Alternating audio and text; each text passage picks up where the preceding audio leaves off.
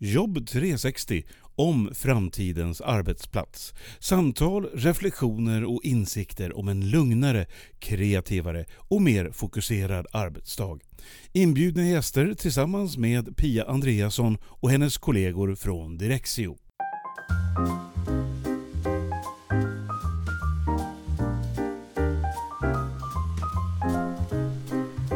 Nu ska jag träffa Fredrik Lantz från Skanska. Igen, han har varit med i podden för flera år sedan. Och då som nu handlar det ju om framtidens kontor. Och eh, Fredrik jobbar ju med framtidens kontor på Skanska och jag är väldigt nyfiken att höra vad säger deras kunder nu och hur tänker de inför framtiden? Vad ska hända och vad önskar de och hur ska framtidens kontor utvecklas? Välkommen till Jobb 360!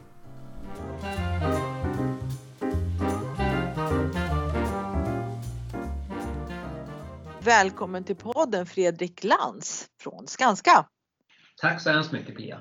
Du har ju varit med förut i podden väldigt tidigt faktiskt och vi pratade lite om samma sak då men det är ju tre år sedan drygt så det har hänt väldigt mycket saker sedan dess. Och det vi pratade om är det som är ditt område där på Skanska.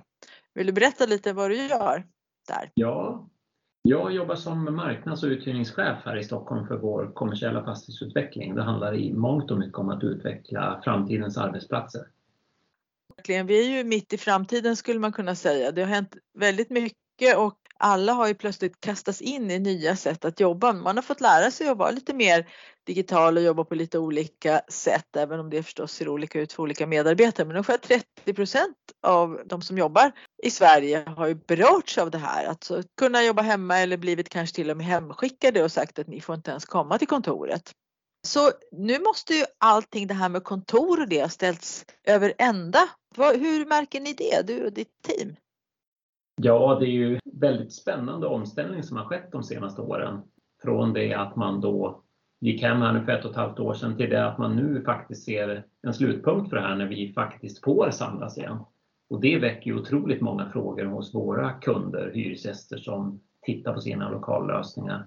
Hur man ska gå tillväga nu när man ska tillbaka till kontoret.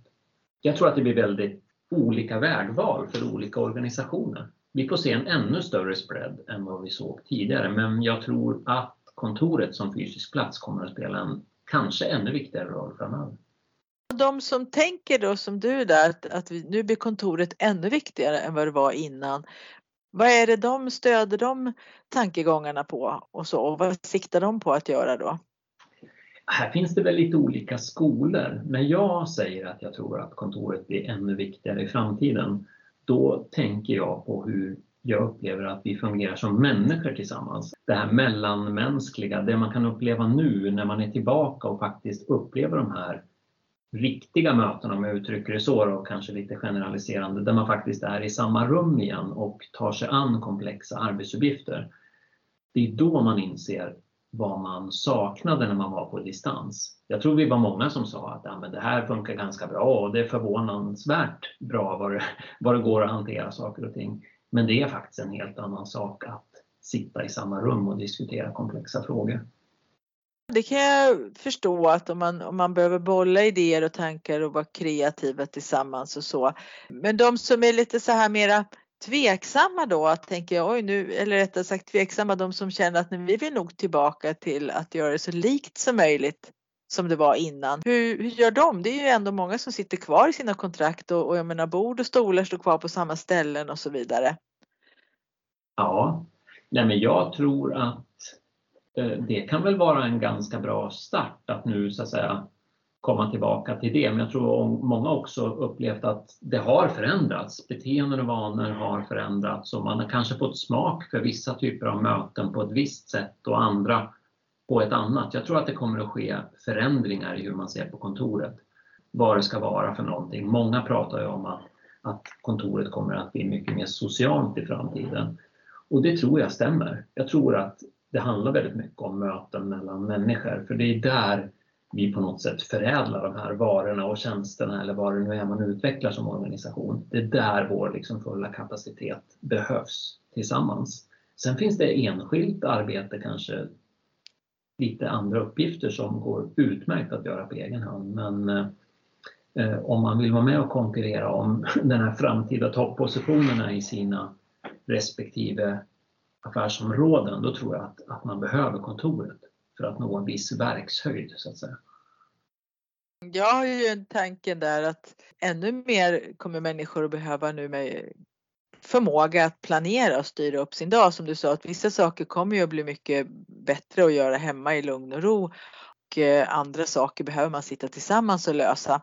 Jag såg mm. bara häromdagen hade Microsoft en undersökning som de har med sina medarbetare och då har de frågat vad en medarbetare tänker i framtiden och det visar sig att det är många som kan tänka sig jobba hemma en del i fortsättningen och andra kan absolut tycka att det är bättre att vara på kontoret. Och det som var väldigt slående där i den undersökningen var att båda de grupperna angav samma skäl till varför de då vill jobba hemma respektive på kontoret. Kan du gissa Fredrik vad det var för skäl?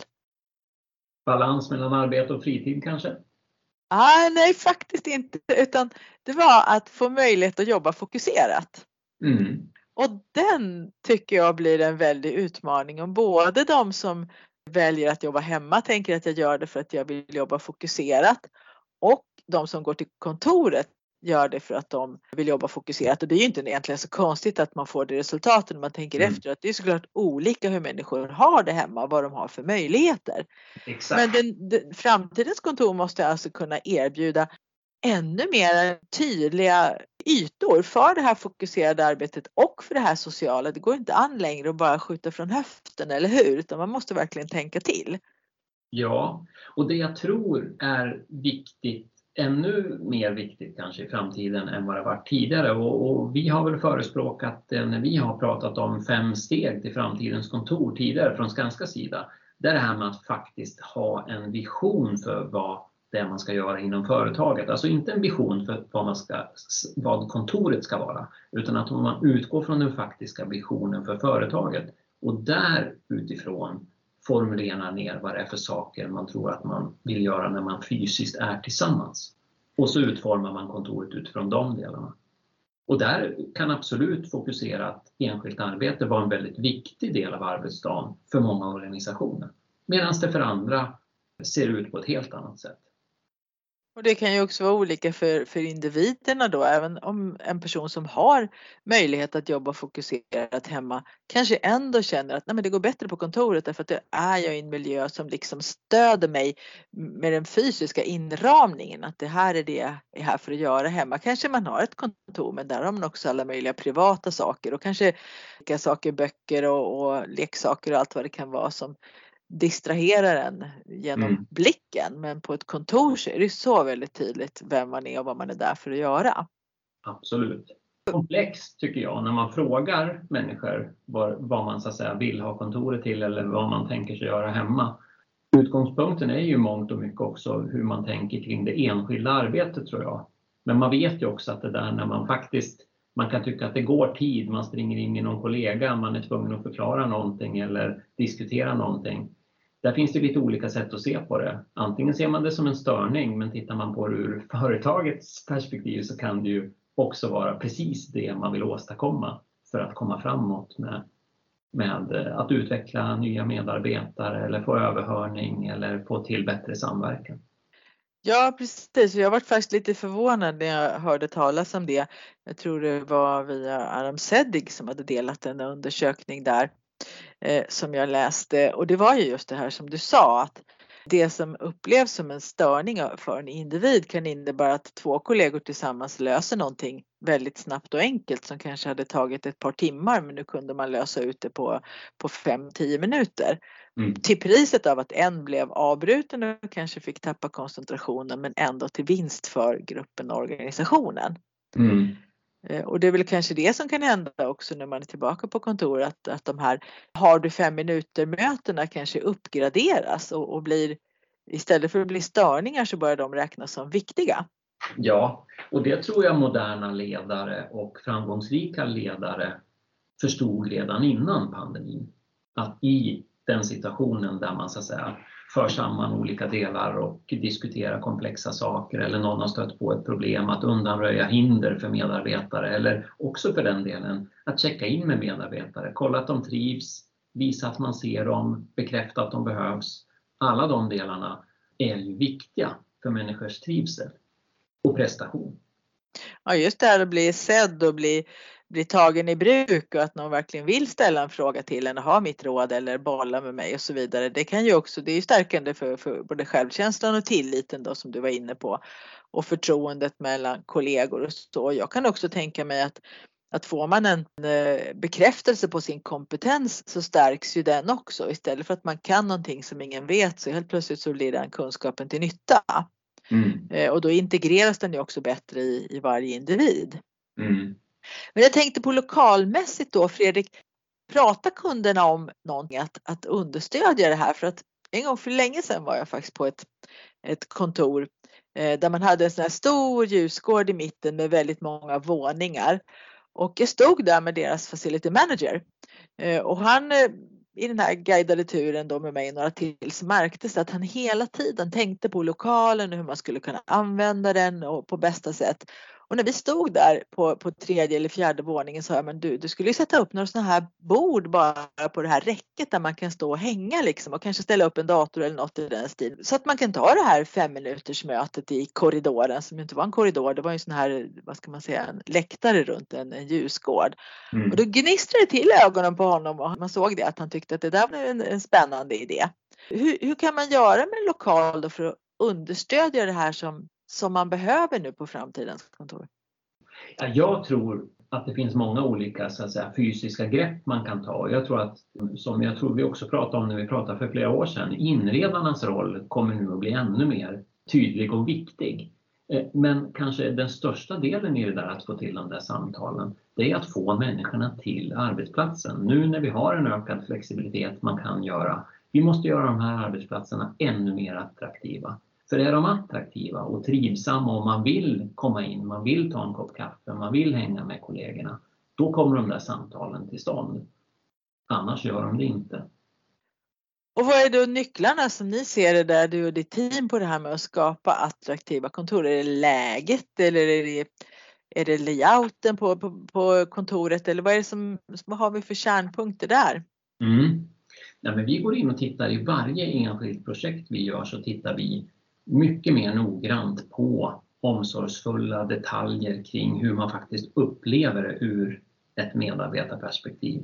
Det kan vara småsaker som siktlinjer eller hur vi tror att rumsplaceringar borde göras i en typisk planlösning för att man ska så att säga, både komma undan och få sitt fokus men, men kanske också ingå i ett socialt sammanhang. Så från vår sida handlar det om en liksom större inlevelseförmåga och en, en större hänsyn till estetiska och liksom sociala mellanmänskliga perspektiv när vi tittar på hur byggnaden utformas. Det är många olika steg med estetiken och, och, är det slut nu med liksom de här öppna kontorslösningarna med 52 likadana skrivbord eh, och, och skärmar och såna här gråa skyddsramar runt skrivborden? Är det på väg bort? Jag håller tummarna. Vad säger du Fredrik? Ja, men jag tror att det som saknas i många kontor idag är väl kanske att det har blivit lite för corporate, om man säger så. Lite för, för liksom det är för funktionellt och det behövs ju den där mänskliga touchen och den där lekfullheten, kanske glimten i ögat, det behövs växter, det behövs konst. Och det är såna här grepp som jag tror man kommer att, att titta närmare på för att öka trivseln på varje enskilt kontor. Det gör ju en oerhörd skillnad att det finns den där värmen och estetiken på plats. Det tror jag vi allihopa känner. Mm, så det ska kännas som att man kommer till ett riktigt, riktigt gött och bra ställe när man kommer till jobbet helt enkelt. Där man både kan koppla av och vara aktiv till sinnes samtidigt. Ja. ja det, det ska bli jättespännande att se. Men du, det är ju flera mindre företag har jag hört talas om. De har suttit i vissa kontrakt och så har de gått ut här nu under pandemin och då har de valt att jobba helt remote. Alltså de har inte letat efter ett nytt kontor ens en gång. Mm. Vad, vad, skulle du säga till dem? Har de hittat liksom grejen nu och ska fortsätta köra så? Eller vad finns det för idé för dem att titta runt efter en ny plats att, mm. att vara tillsammans på? de har ju en unik möjlighet nu att forma precis det de vill utifrån vad de har lärt sig kring det här. Och där kan det säkert finnas olika erfarenheter menar jag. Att det finns säkert organisationer som har valt att gå den vägen och som känner att jösses, vi behöver verkligen samla ihop oss på ett kontor igen. Sen kan det ju finnas andra verksamheter som känner att ja, delar av vår organisation kan nog fortsätta jobba på distans medan de här delarna borde vi skapa ett kontor eller en samlingsplats för. Så jag tror att vi kommer att se en spread där. Så tillbaka till visionen eller liksom kärnverksamheten i bolagen. Jag tror man måste identifiera vad det är som skapar det där verkliga värdet. Och så dimensionerar man och utformar sin fysiska arbetsplats efter det. Så det blir alltså inte, du pratar ju mycket om hybrida möten nu och så att man kommer ha människor som ibland sitter med digitalt och ibland är på kontoret och olika så. Det är en stora utmaningen. Men du ser också att det kan komma sig att bli Eh, hybrida lösningar i hela verksamheten. Att man har vissa medarbetare som kanske aldrig är på kontoret och vissa är bara någon gång ibland och andra kanske är där nästan varje dag. Ja, och jag tror att om vi tänker att det som har hänt med det aktivitetsbaserade kontorets utveckling och det vi har lärt oss på det, det är ganska många som har provat på det nu de senaste tioårsperioden. Jag tror vi har lärt oss oerhört mycket på det. Jag tror att frågan också har avdramatiserats i vissa organisationer. Att man kommer att prata i framtiden om att olika typer av tjänster kanske har olika grad av möjlighet till distansarbete. Och det är ganska naturligt utifrån då hur det företaget vill formulera sig och hur man vill driva sin verksamhet. En annan sak som det diskuteras mycket det är ju att nu får man ju bredare rekryteringsbas är det många som har sagt. Så att om man accepterar det här helt hybrida kontoret så kan man ju ha resurser över hela Sverige och varför inte över hela världen. Mm. Och då blir det en annan del av det hela som, som jag är del, inne på också, delvis det här digitala kontoret. Mm. Men vi ska hoppa tillbaka till den här tankegången för att förut så vet jag att kunderna har tänkt väldigt mycket på var någonstans fysiskt ligger det här kontoret, alltså på vilken adress är det? Mm. Och där kan jag också tänka mig att deras eh, tankar och prioriteringar har vänts och vridits lite grann på. Vad tror du om det här med läget i framtiden, det här med adressen som, som kontoret är på? Söder om stan, norr om stan, innerstan, ja du förstår vad jag menar. Mm. Mm. Jag tror fortsatt, man brukar säga läget, läget, läget i fastighetsbranschen och jag tror att det fortfarande gäller. Läget är otroligt viktigt. Jag tror att den sociala biten av vad arbetsplatsen betyder för människor, att det finns i ett sammanhang där det finns service, det finns kollektivtrafik. Det är både smidigt och intressant och stimulerande att komma till arbetsplatsen. Den faktorn tror jag absolut inte har minskat utan har fortsatt väldigt, väldigt starkt fokus.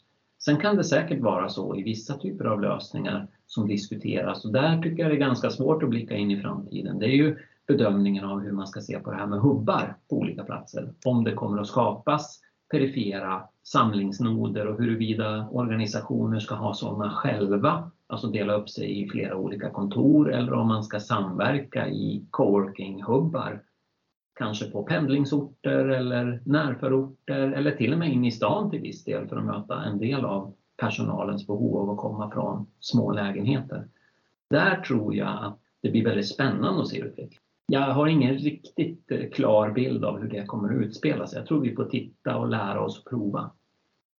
Där måste ju organisationerna vara väldigt lyhörda och inte ta för givet att det gäller samma sak nu som det gällde för två år sedan, att medarbetarna har kvar samma preferenser. För det kan ju mycket väl hända att personer som tyckte det var toppen att ha ett kontor i ett attraktivt cityläge. Nu har de ändrat perspektiven helt och hållet och tycker att det är fantastiskt att sitta hemma och vill inte röra sig från Sundbyberg eller, eller var man nu sitter någonstans om vi nu ska räkna från Stockholm. Mm. Att, att man kanske förut pendlade in en halvtimme och hem en halvtimme och tyckte att det var ganska rimligt. Mm. Nu vill man absolut inte lägga mer än fem minuter på att ta sig till jobbet, helst inte alls. Och då kanske den här hubben i väldigt, väldigt nära blir jätteattraktiv. Ja. För att man har hittat andra saker. Man kanske hellre går en morgonpromenad eller man kanske till och med skaffat en covidvalp som det hette. Att man, mm. man har fått andra perspektiv. Medan som du säger, Vissa personer har kanske suttit då i en lägenhet och kanske en trång lägenhet, två personer, båda jobbat hemma och båda tycker att nej men nu ska vi väl äntligen få komma härifrån och komma tillbaka till ja, city eller vad man nu var när man jobbade. Mm. Och, och, få ihop båda de önskemålen, det blir nog ett pussel.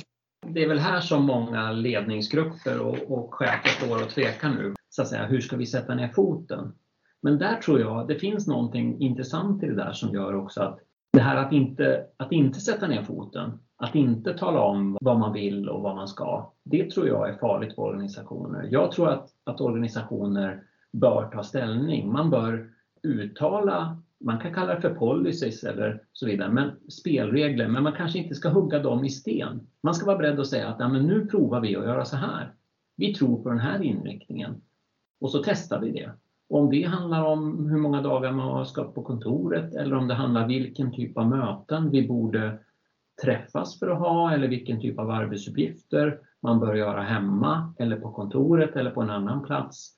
Jag tror att det är attraktivt att som ledare kunna förklara det här är vår vision för den här organisationen och företaget. Därför tycker vi att vi ska jobba på det här sättet. Och kommunicera med medarbetarna kring det. Det här att säga att ja, vi, vi bryr oss inte om om du är hemma eller kommer in eller någon annanstans.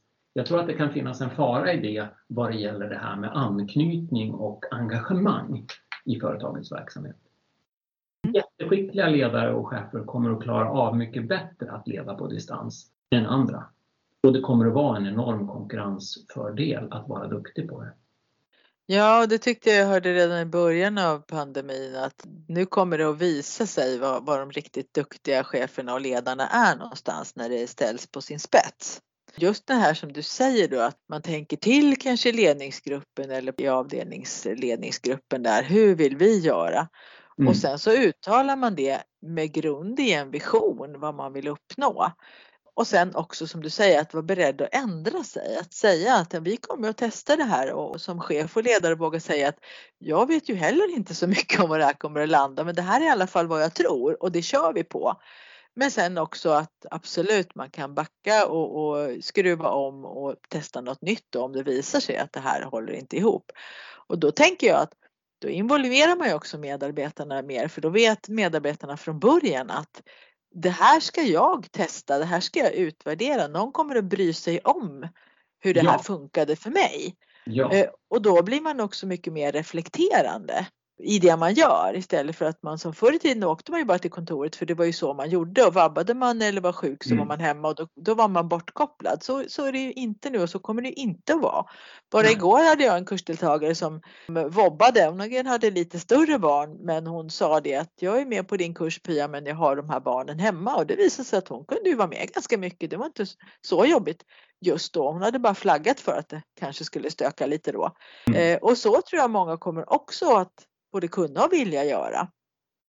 Ja, det tror jag också. Jag tror det här flexibla ledarskapet, lyhörda, där man liksom anpassar sig till olika typer av situationer och förstår att människor har olika behov och människor behöver mötas på olika sätt. Det sättet att leda en organisation tror jag kommer att visa sig väldigt nödvändigt och framgångsrikt framöver. Sen tycker jag det är intressant, vi gjorde i våras här under, mitt under coronan kan man väl säga, en undersökning tillsammans med Kairos Future. Vi frågade med hjälp av dem också då, 10 000 svenskar om deras syn på arbetslivet och hur man tror att arbetslivet i framtiden ser ut. Och en av de sakerna som, som jag tycker är intressant att lyfta i det här samtalet det är att man gjorde en sån här undersökning 2017 också. Och de här toppfaktorerna som gör att man så att säga trivs på arbetet, de viktigaste faktorerna är arbetet, de är i stort sett orörda även nu under den här pandemin. Alltså det handlar om saker och ting som att ha trevliga arbetskamrater, att ha en bra chef, att ha ett fast jobb, intressanta arbetsuppgifter, balans mellan arbete och fritid. Om vi tänker oss att vi alla, det är, man kan gå till sig själv och fundera, vad kommer att vara viktigt för mig framåt? Och titta på de här faktorerna. Jag tror att man måste förstå att det är där den här återgången ska hittas. Man måste lyckas få människor att känna positiva saker kring alla de här delarna. Och hur man gör det då som enskild organisation beroende på vad arbetsuppgiften gör är då i företaget. Det tror jag öppnar upp för väldigt många olika lösningar faktiskt. Det olika personer har ju olika preferenser och kan det vara så att man kommer att tänka mera på kontoret som en, en plats där olika individer ska kunna mötas och trivas snarare än att man försöker rigga det, ja, vad ska man säga, tjusigt eller varumärkesanpassat då kan man säga beroende på vilken typ av organisation man är. Att man fokuserar mer på, på det mänskliga mötet och funktionerna där än, än utseendet. Ja, det blir en jättespännande balans mellan de här faktorerna. Man vill ju ha en, en mångfald kring individer och medarbetare och deras olika preferenser. Men sen tillbaka till det jag uttrycken uttrycker här tidigare. Jag tror att det är väldigt viktigt att man som företag och organisation väljer väg och också sätter ner foten. Ja, men det här står vi för. Det här tror vi på. För att liksom på något sätt göra den här platsen på bästa sätt kunna stödja det faktiskt organisationens uppgift är. Gynna medarbetarna bäst. Man vill ju känna att man effektivt tillsammans på bästa sätt kan nå de mål och uppgifter som står inför företaget. Det Lyckas man med det, då tror jag att väldigt många medarbetare trivs. Jag hör lite som en triangel här. Jag hör ju medarbetarna och så hör jag lokalen då där de ska vara, var det nu är någonstans och sen att visionen är ett, ytterligare ett viktigt ben i det här. Och vad, vad tror du om eh, företagen och organisationen, deras möjligheter då att koppla ihop visionen med lokalen? Vad har du sett bakåt i tiden och hur tror du det kommer att och funka framåt? Att koppla ihop vision och lokal? Ja, vi har ju tittat på det tillsammans med flera olika kunder som har genomgått de här processerna och, och det är väl det som träder fram genom de här åren som vi upplever är framgångsrikt. Det är de som verkligen får tonträff, där man kommer in och, och, känner direkt att ja, men det här känns ju verkligen som varumärket. Den här lokalen upplevs på det sättet och det verkar som att de medarbetare som kommer hit och den typen av talangmålgrupp man vänder sig till. Här finns de funktioner och arbetsstationer och utrymmen som passar för det man vill göra. En del är ju väldigt mötesintensiva. Andra behöver ju sina rum. Andra behöver de här showroomen för kundmöten. Att verkligen liksom spegla ner visionen och missionen och det man behöver göra i lokalen. För mig är det avgörande för att det ska bli framgångsrikt. Där tror jag vi fortfarande har jättemycket att lära. Målet med lokaler är alltså att få alla medarbetare att känna det som att men det är självklart att, att, vi, att vi ser ut så här. Ja. Inte utseendemässigt vara en person utan hela allting det man har runt omkring sig ska kännas som att det bara klickar i. Mm. Är det det du menar? Ja, det är det jag känner att, att visst, alltså det är ju den där balansgången Trivsel tror jag skapas av att man känner att man kommer till ett ställe där man kan få saker och ting gjort och prestera där man behöver prestera under dagen. För det skapar också en, en tydlig hjälp i det här med till exempelvis balans mellan arbetsliv och fritid. Att, att känna att jag kom till kontoret, kontoret och dess liksom funktioner och det som jag kan göra där hjälpte mig att faktiskt bli klar i tid här med klockan fyra. Så att jag kan hämta mina barn och så att jag kan vara ledig ikväll en plats som skapar frustration eller där man inte får saker och ting gjorda eller som inte stödjer det man behöver lösa för att få uppgifterna gjorda, den skapar ju inte trivsel. Så funktionen ger trivsel. Någonting som jag verkligen kan hålla med om det är när man, när man känner att allting funkar då kopplar man av och så får man det gjort som man behöver göra. Mm.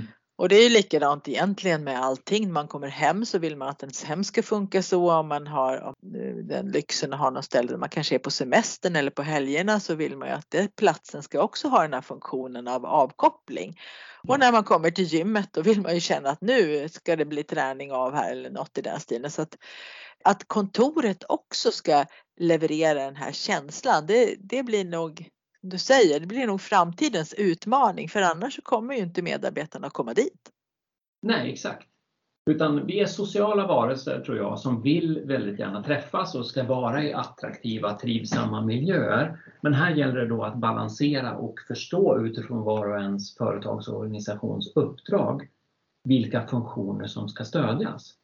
För är det bara trevligt och mysigt och, och, och vackert inrett och så vidare men, men inte hjälper medarbetarna att få det den behöver få gjort, då eh, blir det kanske en attraktionsplats för, fel typ av medarbetare om man nu ska uttrycka sig på det sättet för företaget. Alltså, alla företag och organisationer vill ju attrahera de medarbetarna som kan göra störst bidrag till att skapa de värden som man vill få ut i verksamheten.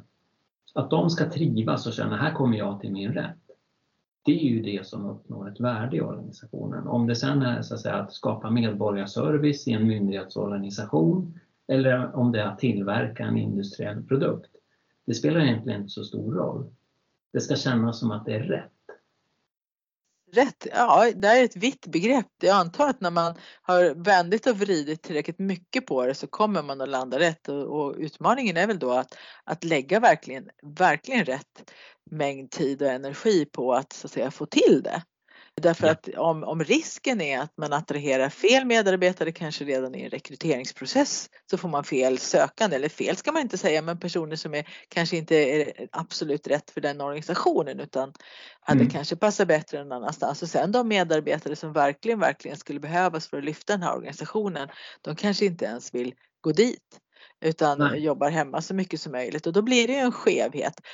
Jag läste också någonstans att före covid så försökte man skapa ganska hemlika, som du sa, mysiga miljöer. Och nu sa du det att det kommer inte räcka att bara skapa det här myset för att, för att man ska vilja komma dit utan kanske tvärtom, man kanske är väldigt trött på den där hemmamiljön och sofforna och allt vad som är utan man behöver ha något annat för att signalera att nu är jag på jobbet, nu är jag min jobbperson, nu ska den personen kliva fram och göra bra saker här. Och inredarna kommer ju också verkligen att få, få vända på steken helt och ja. hållet.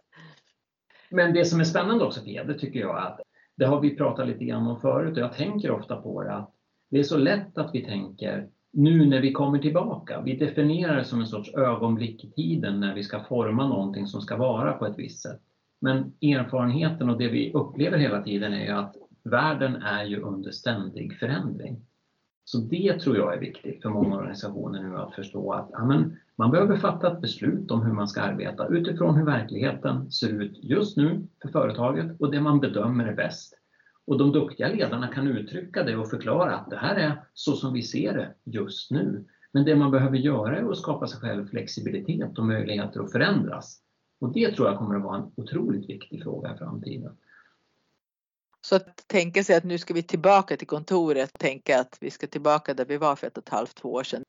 Man kan börja där självklart, men jag tror man måste förstå att vi kommer att kanske hitta en lösning och det kommer att komma. Sen kommer en teknikutveckling komma, sig om ett till två år så kommer någonting som gör att vi kan eh, helt eh, genomföra teamsamtal med andra grupper sittande i ett kontorslandskap med en AI-funktion som filtrerar bort allt bakgrundsljud. Då kan man ju se en helt annan planlösning framför sig för att använda kontorets yta effektivt, till exempel.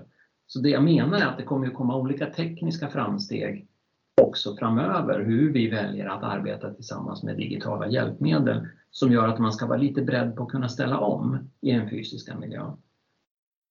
Komma till, jag tänker så att man ska tillbaka till kontoret, det, det, är lite som en, som en sån här avstampsbräda som man hade i gymnastiken. Alltså vi ska dit men sen ska vi vidare.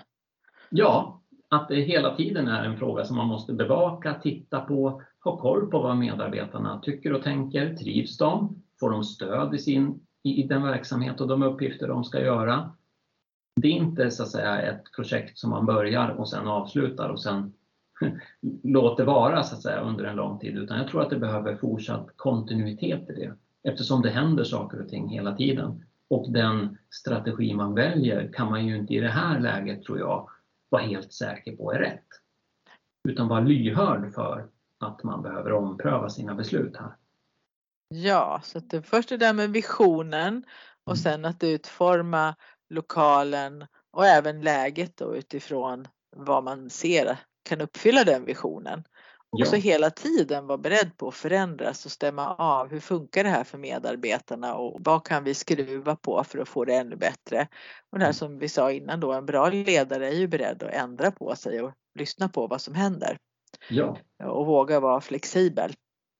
Men ett bra tips är väl vad jag tänker. Eh, kontor i bra lägen i moderna fastigheter som går att ställa om och förändra och utveckla över tid som skapar då de här möjligheterna för människor att både få saker och ting gjorda och att trivas. Vad bra, vilken bra sammanfattning Fredrik. Jag tycker vi avslutar med det. Kontor i bra lägen i fastigheter som går att ställa om som gör att man både kan trivas och få det gjort som man behöver göra på jobbet. Självklart. Toppen, men då tackar jag för dagens poddsamtal. Ja, tack. Hej då. Hej hej.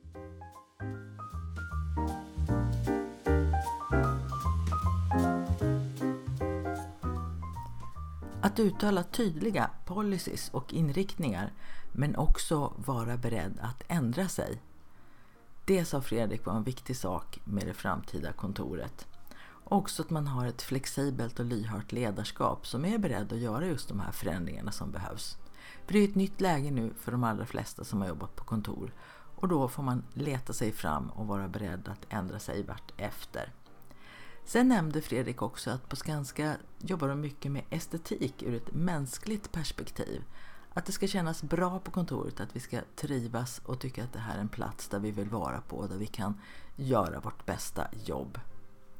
Så jag säger tack till Fredrik att han ville vara med här i podden och tack också till dig som lyssnar på Jobb 360.